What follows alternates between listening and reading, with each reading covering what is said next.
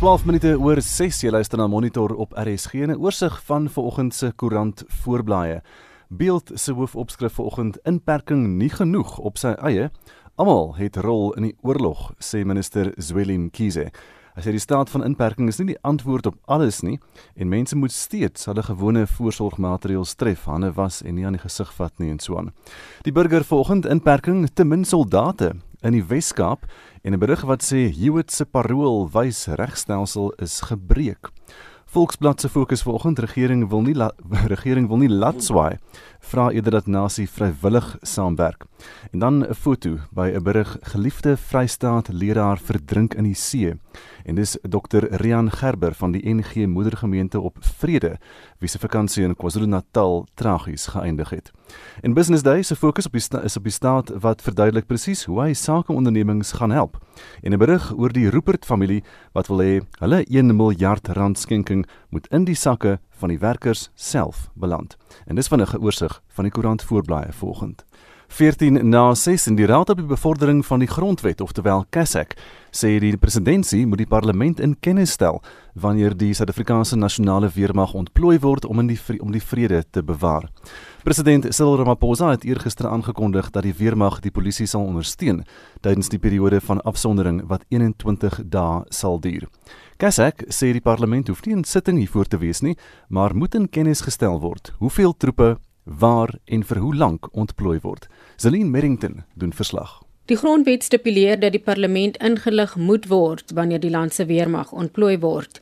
Die uitvoerende sekretaris van die Raad vir die Bevordering van die Suid-Afrikaanse Grondwet, Losse Naidu, verduidelik wat benodig word. In this regard, the President is required to inform Parliament, and as Parliament is currently not in session, the President needs to uh, submit a report to the Joint Standing Committee on Defence to advise them of the deployment of the uh, South African National Defence Force, how many troops are involved, where they're being deployed, the purpose of the deployment, as well as the duration of that deployment. Verlede jaar was die weermag na gebiede op die Kaapse vlakte ontplooi om die polisie te help om misdaad te stabiliseer. Hulle ontplooiing is verleng tot die einde van Maart die jaar. Die sekuriteitskenner Helmut Heitman verduidelik hoe soldate prakties ingespan kan word. The ordinary army, mainly the army, the air force and uh, the navy don't have that many people, can go out and help the police. For instance, they want to close down some of the roads to prevent people moving around too much. That the army can do. They can put out vehicle checkpoints and you're driving on the road, they can say, right, you know, why are you going, where you're going, if not, go home. That they can do. So that's, there are useful things there. You can take it further. If there's a problem with water supply, for instance, in an informal settlement, the army engineers do have, have water tankers that can deliver water. They have trucks that can carry stuff around the place. So if you've got a grouping of elderly people somewhere that can't go shopping and nobody can shop for them because of the lockdown, if they can ask for help, then conceivably somebody could go to the army and say, listen, can you take food to that place? A lot of things like that they can do. Naidu voeg by dat soldate in die strate moontlik meer mense gerus sal stel as om hulle te herinner aan die dae van apartheid. Obviously, given our past and the presence of troops in the townships in the apartheid era, this is something that will not readily sit well with people in South Africa. But I think we have moved on sufficiently, and I think this government has certainly shown in the last few weeks that they are taking the issue of the uh, virus very seriously, that the response from government has been very considered, has been very rational, and is seeking to protect the people of South Africa. Dit was die uitvoerende sekretaris van die Raad vir die Bevordering van die Suid-Afrikaanse Grondwet, Losse Naidu. Celine Merrington, Parlement. Die uitbreking van die koronavirus dwing sakeondernemings om aanpassings te maak. Dis ook die geval op die Oos-Kaapse platteland, soos op Graafrenet, waar sekere restaurante besluit het om tydelik te sluit en ander besigheidsure aanpas. Die gasvryheidsbedryf op die dorp kry beslis 'n knou, so berig Veronica Fourie. Die Quebabs Club in Kroonwyl is 'n gewilde bymekaarkomplek vir 'n drankie, gesels, om sport te kyk of 'n pot snoeker te speel. Hier word saans lekker gekuier tot laat, maar die eienaar Kelvin Kona sê omdat die ure nou ingeperk is, bly hulle sommer heeltemal weg. Ek gaan baie verloor. My besigheid begin van 5:00 af na die beste van die werksmense klas met hulle werk en nou begin ek te kry van 5 na 10 toe en basically het ek nog net 'n uur oor om besigheid te maak. So ek sal moet kat op staf en ek sal moet kat op salaries. Een van die werkers by die klub, David Williams, verwag die ergste. Dit affekteer ons nou direk want ek weet nou nie of ek nog werk gaan het nie en ek weet nou nie want een ure dag ek weet nou nie hoe, hoe my employer my gaan betaal of en nog my services gaan nodig het hier so dit affekteer my regtig directly. Van die inwoners op die dorp meen mens kan steeds met verantwoordelikheid die lewe geniet. We would be lost without our yoga because it's building up our bodies to make them fit to cope with anything we have to. We're living in a beautiful town, fresh air, and we're still very privileged to be able to come out and enjoy coffee. I think I'm okay, and we do what we've been told. So we wash our hands and we sanitize it, and I think everybody is cautious. We're not housebound yet, and we go out and we have fun. Die behoefte na sosiale samesyn het drasties afgeneem en restaurante word kwaliek ondersteun. Hestie van der Mest, eienaar van die gewilde eetplek Polka, sê sy sal moet aanpassings maak weens die nuwe regulasies. Vanaf die coronavirus in Suid-Afrika gekom het en daar meer gevalle is, het ons sales met 60% geval. En dit is nou een van ons besigste tye kom op met die Paasnaweek. So ons is nogal in paniek oor hoe dit ons besigheid gaan affekteer en wat ons gaan moet doen. So almal is 'n bietjie onseker in hierdie tyd. Graafrenet is 'n gewilde toeristebestemming. Die nuut gerestoreerde Drosdai Hotel is 'n gunsteling vir veral buitelandse besoekers. Sowat 90% van die buitelanders het al gekanselleer. Die algemene bestuurder, Janus Skuman, sê hulle moes maatreëls instel om die moontlike verspreiding van die virus te beperk. Dis moeilik. Die personeel is, ek dink hulle hanteer dit goed en dit was stresvol geweest. Dit gaan alles oor kommunikasie met hulle en laat hulle weet ons kyk na hulle. Baie van hulle gaan nou op verlof omdat daar nou die besigheid is af. Ons verskriklik baie kansellasies gehad van internasionale gaste. Ons het al twee troues wat ons moes skuif. Is um, nie nie lekker nie, maar ek meen ons doen alles wat ons kan om om te help. Ons moes een restaurant toemaak as gevolg van besigheid. Voete is minder in in die dorp op die oomblik baie van jou Suid-Afrikaners skuif hulle hulle besprekings nou. Hier's baie besigheidsmense wat hier na toe kom so hulle besigheid sê hulle mag nie nou rondry en so voort nie. So hulle skuif skuif ook hulle hulle besprekings. Sakeondernemings in die groot stede en op die platteland staal hulle vir taai ekonomiese uitdagings. Veronica Fourie op Grafrenet.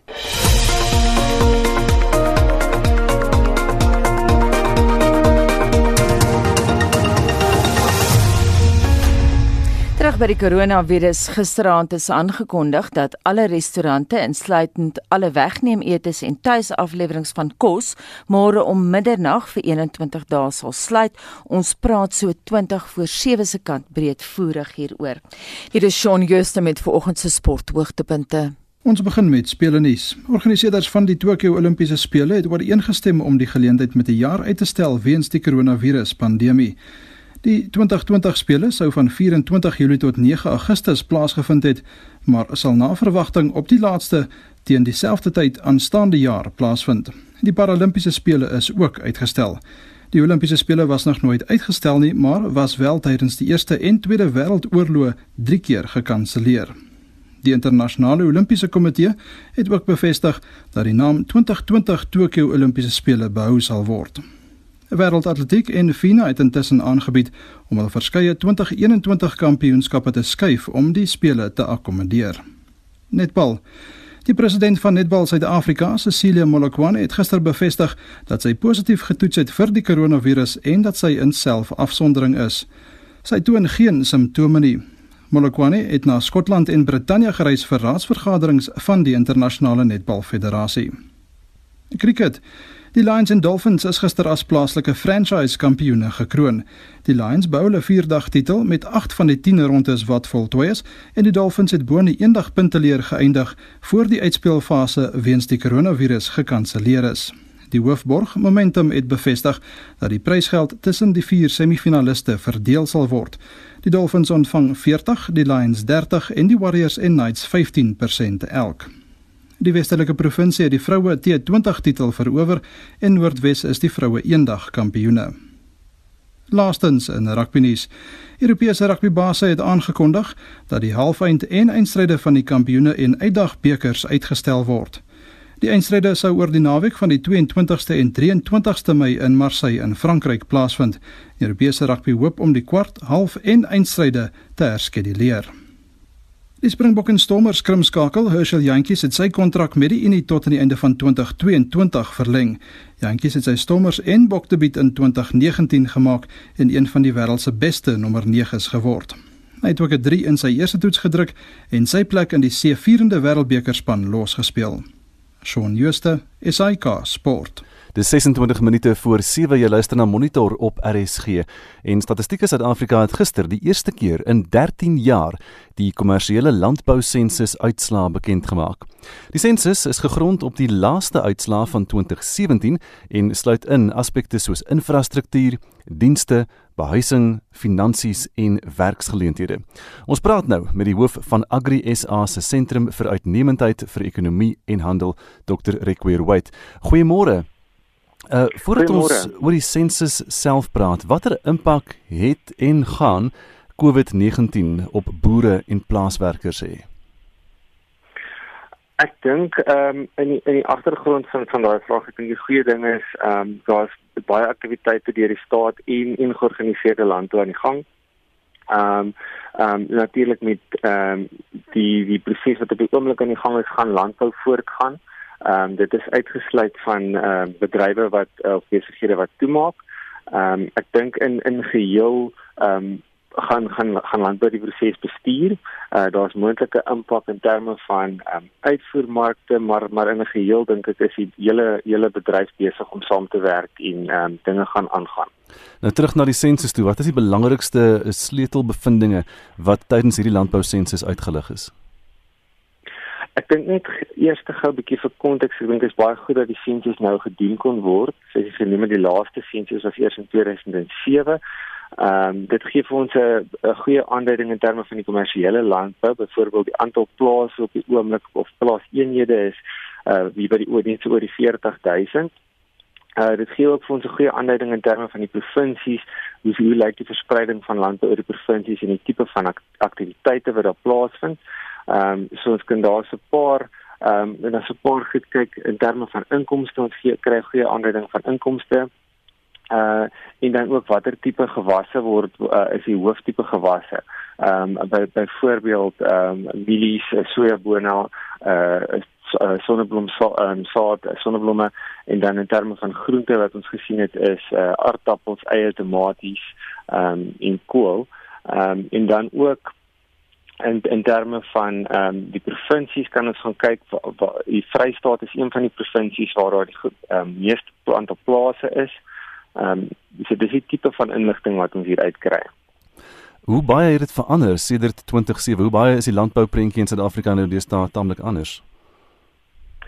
Ek dink in terme van die aantal uh, plaaseenhede is dit ehm um, 'n klein bietjie meer. Ehm um, ons het nie te veel vergelykings gemaak direk met ehm um, 2007 nie omdat daar so 'n groot tydsverskil is. Ehm um, ek dink ook wat wat ons nou sien is dat die volgende sensus uh, word beplan vir 2022. Ehm um, so daardeur gaan ons 'n goeie uh, weer 'n bietjie kontinuïteit kan kan opbou. Hoekom was daar so groot verskil uh, in tyd? Ehm um, so, so die laaste in 2007 toe was daar die volgende een moes in 2012 plaasgevind het, maar daar was toe nie fondse beskikbaar gewees nie. Ehm um, so en en die aanbeveling wat wat wat wat ehm um, betrekking het is dat jy moet dit ten minste vir elke 5 jaar probeer doen. Uh, maar dit lyk vir my nou of die proses weer hervat gaan word en ons bly hierdie een kon nou plaas en ek dink ook is daar hoe langer daar 'n gaping tussen sensusse is, is dit natuurlik ook 'n 'n beperking op hoe hoe hoe jy die goed kan vergelyk en en en om die, die waarde van die data. So in terme van inkomste dan, watter boerderye is die winsgewendste in hierdie stadium volgens die sensus uitslaa? Ek dink as ons as dit gaan kyk ja in terme van wat is die half die hoof hoofaktiwiteite ehm um, wat daar wat daar is. Ek dink as jy gaan kyk ehm um, tussen tussen die uh, die grootste ehm um, inkomste is definitief diereproduksie. Ehm um, is een van die grootste aktiwiteite en dan het jy natuurlik ook gemengde boerdery. Dink jy die hele kwessie van grondonteiening sonder vergoeding het 'n impak gehad uh, wat mens kan sien in hierdie uitslaa? Ek ek dink in terme van van deelname moet ek sê ons is baie dankbaar die boere het baie goed saamgewerk en ons het saam met uh, Statistiek Suid-Afrika saamgewerk. Mense kan dalk aanvanklik dink, jy weet, Ehm um, hoe gaan deelname wees met soveel onsekerheid? Gaan boere bereid wees om om hierdie tipe van inligting weer te gee? En ek is ek is regtig bly dat die boere baie goed ehm um, saamgewerk en inligting gegee. Natuurlik ook ehm um, statistiek Suid-Afrika hou elke individu se inligting ehm um, vertroulik en al die resultate is natuurlik op 'n makrovlak. Baie dankie Dr. Rickweer White, die hoof van Agri SA se sentrum vir uitnemendheid vir ekonomie en handel. Na die buitelande prokureur van die Amerikaanse deelstaat Texas het 'n klasaksie hofsaak teen China aanhangig gemaak omdat die land kwansys die koronavirus sou ontwikkel het as onwettige biologiese wapen. Larry Kleiman en sy groep Freedom Watch eis nou nie minder nie as 20 triljoen Amerikaanse dollar van die Chinese regering. Vir meer perspektief op die saak praat ons nou met 'n regskenner, professor Llewellyn Kaloos van die Universiteit van Pretoria. Goeiemôre Llewellyn. Goeiemôre Anita. Word hier 'n presedent geskep? Nee, glad nie. Um, Inteendeel, uh, ek sou baie verbaas wees as hierdie saak ooit die binnekant van 'n hof sien. Uh dalk 'n bietjie aandag soek as jy my vra. Nou uh Clement sê dis uh, onregverdig natuurlik dat die belastingbetalers van Amerika pa staan vir die Chinese optrede en hy blameer natuurlik uh, die instituut vir uh, virologie in Wuhan provinsie die Chinese regering um, en natuurlik die sogenaamde Chinese Liberation Army en hulle leier hulle hoofgeneraal as die aanspreeklik is. Net 'n bietjie agtergrond miskien vir vir die luisteraars. Uh, in 1925 uh is biologiese en chemiese oorlogvoering natuurlik min of meer wêreldwyd onwettig verklaar. En uh, nou hierdie voormalige federale aanklaer Larry Kleiman uh in die groepe wat jy genoem het, hulle spesialiseer in uh, hoërskoolfotografie. En wat dan gebeur is, uh klaarblyklik het hulle die afgelope paar naweke gemiddeld van so 50000 Amerikaanse dollars elke keer verloor uh, as gevolg van die sluitings wat plaasgevind het, die uh grendelsluitings as ek dit so kan stel, die lockdowns waarvan ons almal nou van gehoor het. En uh nou staan hulle op die randjie van bankrotskap en as gevolg daarvan het hy besluit om 'n siviele aksie aanhangig te maak. Ons praat van 'n groep aksie uh waarin namens 'n paar uh uh eisers natuurlik optree en van daar hierdie ongelooflike bedrag wat hy eis van die Chinese regering. Inderdaad 20 triljoen Amerikaanse dollar. Ja, net om dit miskien in perspektief te plaas. Uh 20 triljoen Amerikaanse dollars beteken in in Suid-Afrikaanse rand terme tot daar's 12 nulle wat langs die een geskryf word. Met ander woorde in in praktiese terme kan ons miskien daarna verwys as 'n miljoen miljoen rand en dan moet dit natuurlik min of meer deesdae met 20 nog vermenigvuldig word om dit in dollarwaarde om te skep. Uh, nou ja, ek dink dit is 'n belaglike bedrag geld. Ehm um, maar nou aan die ander kant, jy weet, uh, ons het al gehoor as jy nie vra nie sal jy nooit kry nie en uh, jy moet of groot gaan of huis toe gaan en ek dink die Amerikaners verwys daarna go big or go home. So lyk my dit is maar min of meer sy uitgangspunt gewees. Llewellyn, jy het nou vroeër gesê jy dink die kanse is baie klein dat die saak ooit in die hof gaan draai, maar die man, Larry Kleiman, is tog 'n prokureur. Hy moet dit tog weet. Dink jy hy maak nou maar net 'n punt? Ja, jy weet, uh, die, sy kans om te slaag is waarskynlik uiters gering. Onthou in die Amerikaanse uh, stelsel, uh siviele stelsel is dit maar min of meer soos by ons, wie beweer moet bewys.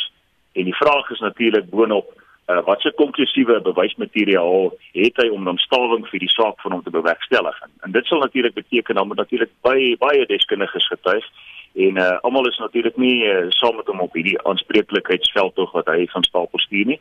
Ehm um, dit dit dit is die een kant. Uh, dan aan die ander kant moet ons onthou in veral hierdie klasaksie sake wat ons wat ons al in die verlede gesien het en ons kan hierso dink byvoorbeeld aan een of twee wat die grootste in die wêreld alles wat my aan betref die 206 miljard uh, wat die American Tobacco Maatskappy moes betaal so 'n klompie jare gelede. Ehm uh, miskien selfs die biljoenêr Rupert Murdoch se egskeiding is as ek dit ook kan vat as 'n voorbeeld. Dis maar die grootstes wat wat wêreldwyd al ooit te sprake gekom het. Dan praat ons van 2.6 miljard. So ons praat van klein geld as vergeleke met hierdie bedrag wat hy genoem het.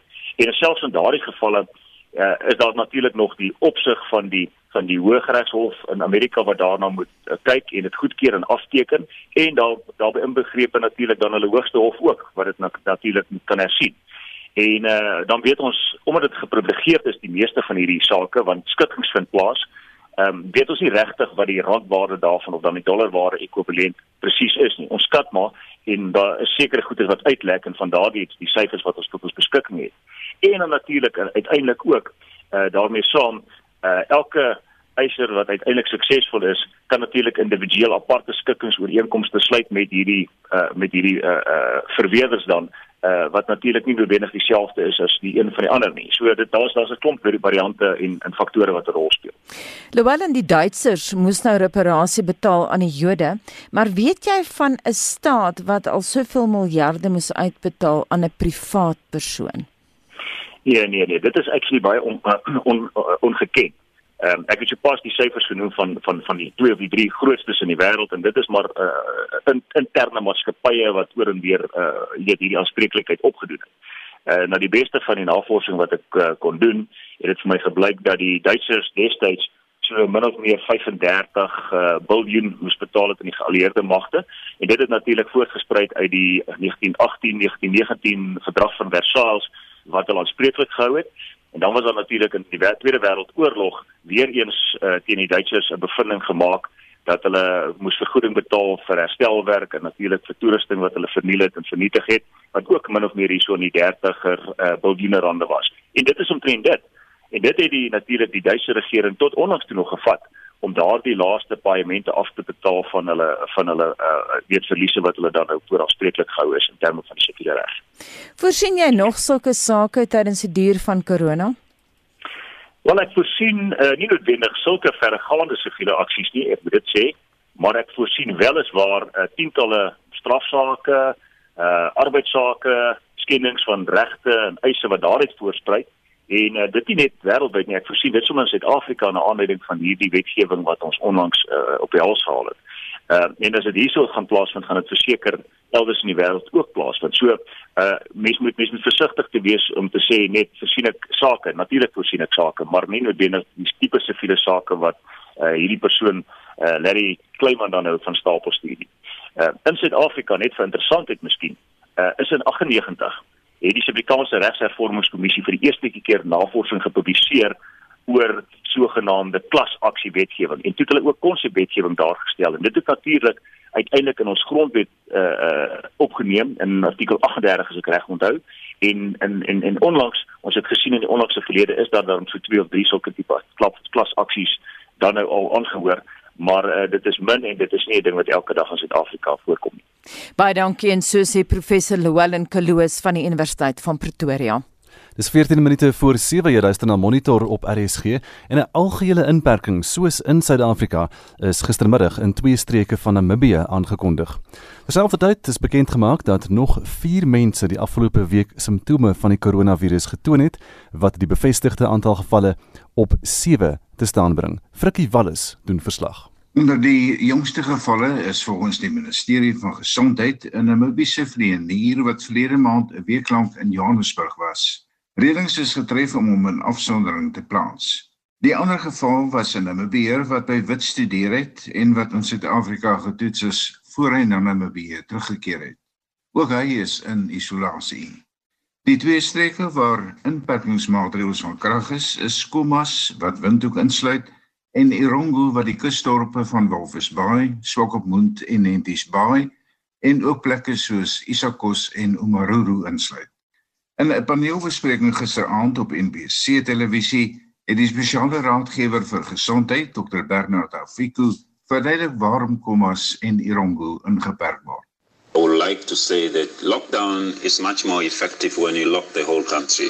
But for the beginning and considering where we are now, um, there's a whole lot of stuff that need to be done, including consultation with a whole lot of stakeholders. Mm-hmm seeing that all our cases, which are so far presumed to be imported cases, are all in Commerce region, mm-hmm. and considering that the movement between Commerce region and Erongo region are the highest in the country because that's the port city, um, and this is the capital. Yeah. Uh, also, um, with measurement of our, our systems in place, I think it's going to be a little bit easier for us to start with um, the two regions. I just want to mention that when we say commerce, we're not necessarily referring to the geopolitical de- uh, definition of yes. commerce region because we know that we have a number of people coming in every morning from um, from Riobot, and we have those staying in Okahanja also coming to work here. Yes. Um, we say commerce, but essentially it's commerce plus a portion of Osazanjupa and Haptap region. Die paneel het ook na nog sluitings van grensposte soos Ariumsvlei na Uppington, buitepos na Botswana en noordoor na die Kaap verwys wat belangrike deurgangsroetes is vir produkte uit Suid-Afrika. Die bestuurshoof van die Ministerie van Gesondheid in Namibië, Dr. Benangombe. We are basically looking at a number of considerations and the measures uh, point to for example people who are, have got health emergencies health professionals who need to come into the country to help us fight the pandemic. Talking about the movement of goods and services, because we cannot close all the borders to bringing in. Items such as food items, equipment, medical supplies, and those things. Die media sekretaris in die presidentskap, Dr. Alfredo. First and foremost, today and also in the previous declarations of the president, the president appealed for calm, appealed to Namibians not to panic, appealed to Namibians to collaborate, to work together, because this is a common enemy. In the measures that we announced, the point is also made that additional measures will be made following consultations with the relevant stakeholders, mm-hmm. that is business, suppliers, and so on, in order to avoid a situation where there's uh, uh, inflated prices. Dit was uitregsels uit 'n paneelbespreking gisteraand op NBC televisie. Onbevestigde berigte wat dit laat gisteraand hê dat die aantal gevalle in Namibië tot 9 opgeskiet het. Ek is Frikkie Wallis op Swakopmund in Namibië se Irongo streek. Ons praat die afgelope tyd met Suid-Afrikaners in die buiteland oor hulle ervarings van die maatreëls wat weens die COVID-19 virus daar gestel is. Ons oud kollega Melissa Tuggie is in Nederland. Die land het beperkings ingestel op inwoners, hoewel hulle nie afgesonder word nie. Daar is nogals 'n vreemde stilte wat oor Utrecht hang hier waar ons bly, maar anders as dit is dit eintlik heel rustig. Mense hoor tog nog stadsgeluide en so. Ons is nog gesond. Ons drink maar elke dag Vitamiene C en probeer meer water te drink en natuurlik was ons maar ons hande baie. Almal is by die huis behalwe noodpersoneel wat moet diens doen in hospitale en apteke en die kruidenierswinkels is ook darm nog oop, maar net met verkorte ure. Daar is wel ekstra maatreëls in plek by die winkels en hulle vra jou ook om eerder jou bankkaart te gebruik en nie kontant nie. En natuurlik, as jy siek is, bly by die huis. Dan is daar ook beperkte opsies vir veral vleis en melkprodukte en die pasta rak was byna leeg gewees. Daar is ook nog baie toiletpapier beskikbaar en daar is kaas en koue vleise en daar is ook nog baie vis beskikbaar.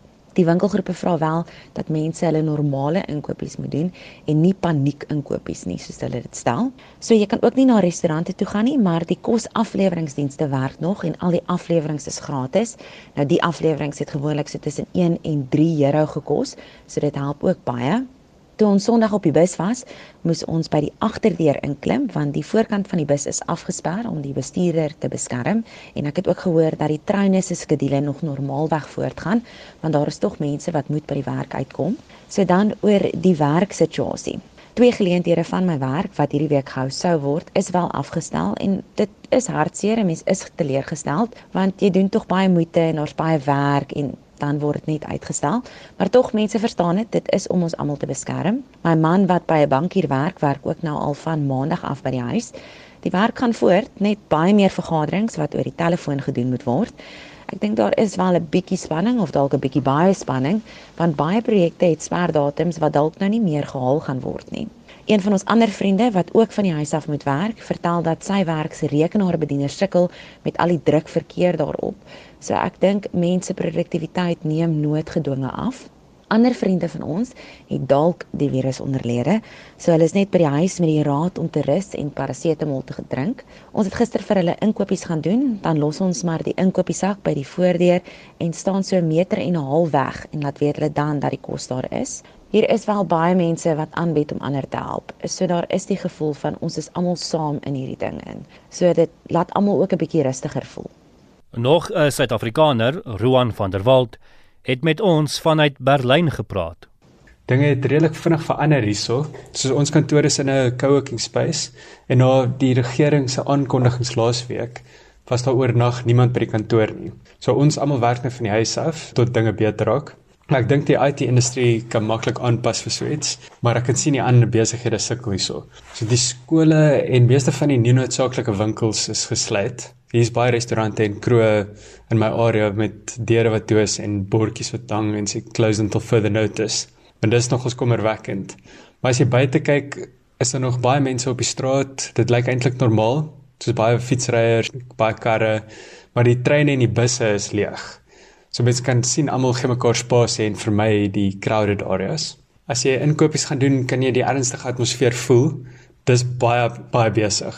Die winkels het ook kennisgewings op wat mense nie moet paniek bevang raak en te veel koop nie. Maar intendeel dink ek actually die winkels doen baie goed. Op die einde is dit nie lekker om alleen te sit en werk by die huis nie, so ek hoop dit gaan vinnig verby. Dit was Roan van der Walt wat met ons vanuit Berlyn gepraat het. En die verslag van Justin Kennedy. 6 minute voor 7 en die feite kontroleerder Africa Check waarsku dat landsburgers veral nou versigtig moet wees vir vals inligting wat doelbewus versprei word. Inwoners moet 3 stappe volg. Stop voordat jy iets aanstuur, vra waar die inligting vandaan kom en gaan bevestig die inligting by 'n geloofwaardige bron. 'n Redakteur by Africa Check, Liesel Pretorius, sê die verspreiding van vals inligting het al voorheen in soortgelyke krisisse mense se lewens gekos. Marlene Forsie het meer besonderhede. By die ontvangs van 'n boodskap is dit belangrik om te stop en jouself af te vra hoe die boodskap jou laat voel. Maak hierdie boodskap my bang? Voel ek kwaad? Watter emosies ervaar ek? Want wanneer dit kom by disinformasie en disinformasie is die opsetlike verspreiding van vals inligting gebruik mense wat hierdie goed skep dikwels emosies om dit vinniger te laat versprei. So dit is die eerste stap. Hoe voel ek? En dan wat is die motief van die mens wat hierdie inligting vir my gestuur het? Wat wil hulle hê moet ek doen Nadat jy gestop het en bepaal het watter emosionele reaksie die boodskap wil uitlok, is die volgende stap om te vra waar die inligting vandaan kom. As iemand vir jou iets aanstuur, vra vir die mens, "Hoe weet jy dit?" Dit laat jou bepaal of die mens eerstehandse inligting hiervan het. En dan kyk jy of daar 'n bron is. As daar glad nie 'n bron by is nie, dan is dit 'n gevaarlig. Jy moet probeer uitvind wie het hierdie ding gesê of geskep en wie het dit versprei. Jy moet ook dink is hierdie die oorspronklike bron. Sê byvoorbeeld, dit sê hierdie berig kom van 'n koerant af, maar die koerant sê die SAK het berig. Dis nie die oorspronklike bron nie. Dan moet jy teruggaan na die SAK se storie en kyk wat het die SAK werklik gesê. En as jy klaar gevra het waar die inligting vandaan kom en die oorspronklike bron kon bevestig, moet jy ander geloofwaardige bronne se inligting opsoek en vergelyk. Jy gaan byvoorbeeld kyk na die Nasionale Instituut vir Oordraagbare Siektes na die gesondheidsdepartement en na die wêreldgesondheidsorganisasie en dan toets jy wat jy gekry het teen wat amptelik gesê word. Sy waarsku veral teen samesweringsteorieë. Byvoorbeeld die soort goed wat sê COVID-19 is in 'n laboratorium geskep as 'n wapen. Opportuniste buit ook sogenaamde inligting vakuums uit. Voordat ons daagliks op hoogte gehou is van die syfers, dan sal jy in daardie vakuum mense kry wat dan bespiegel en sê eintlik is daar gevalle maar die regering steek dit van ons weg byvoorbeeld. Sodra daar 'n vakuum van 'n aard is, daar's iets waaroor mense onseker is en hulle twyfel daaroor, dan is die natuurlike instink van mense om bymekaar te kom en probeer sin maak van wat aangaan en daai vakuum te probeer vul. En dis dan waar dit veral gevaarlik is want dit is daar waar waninligting maklik geskep kan word. Dit was die redakteur by Africa Check, Liesel Pretorius. Ek's Marlene Verschiefer, SAK nuus.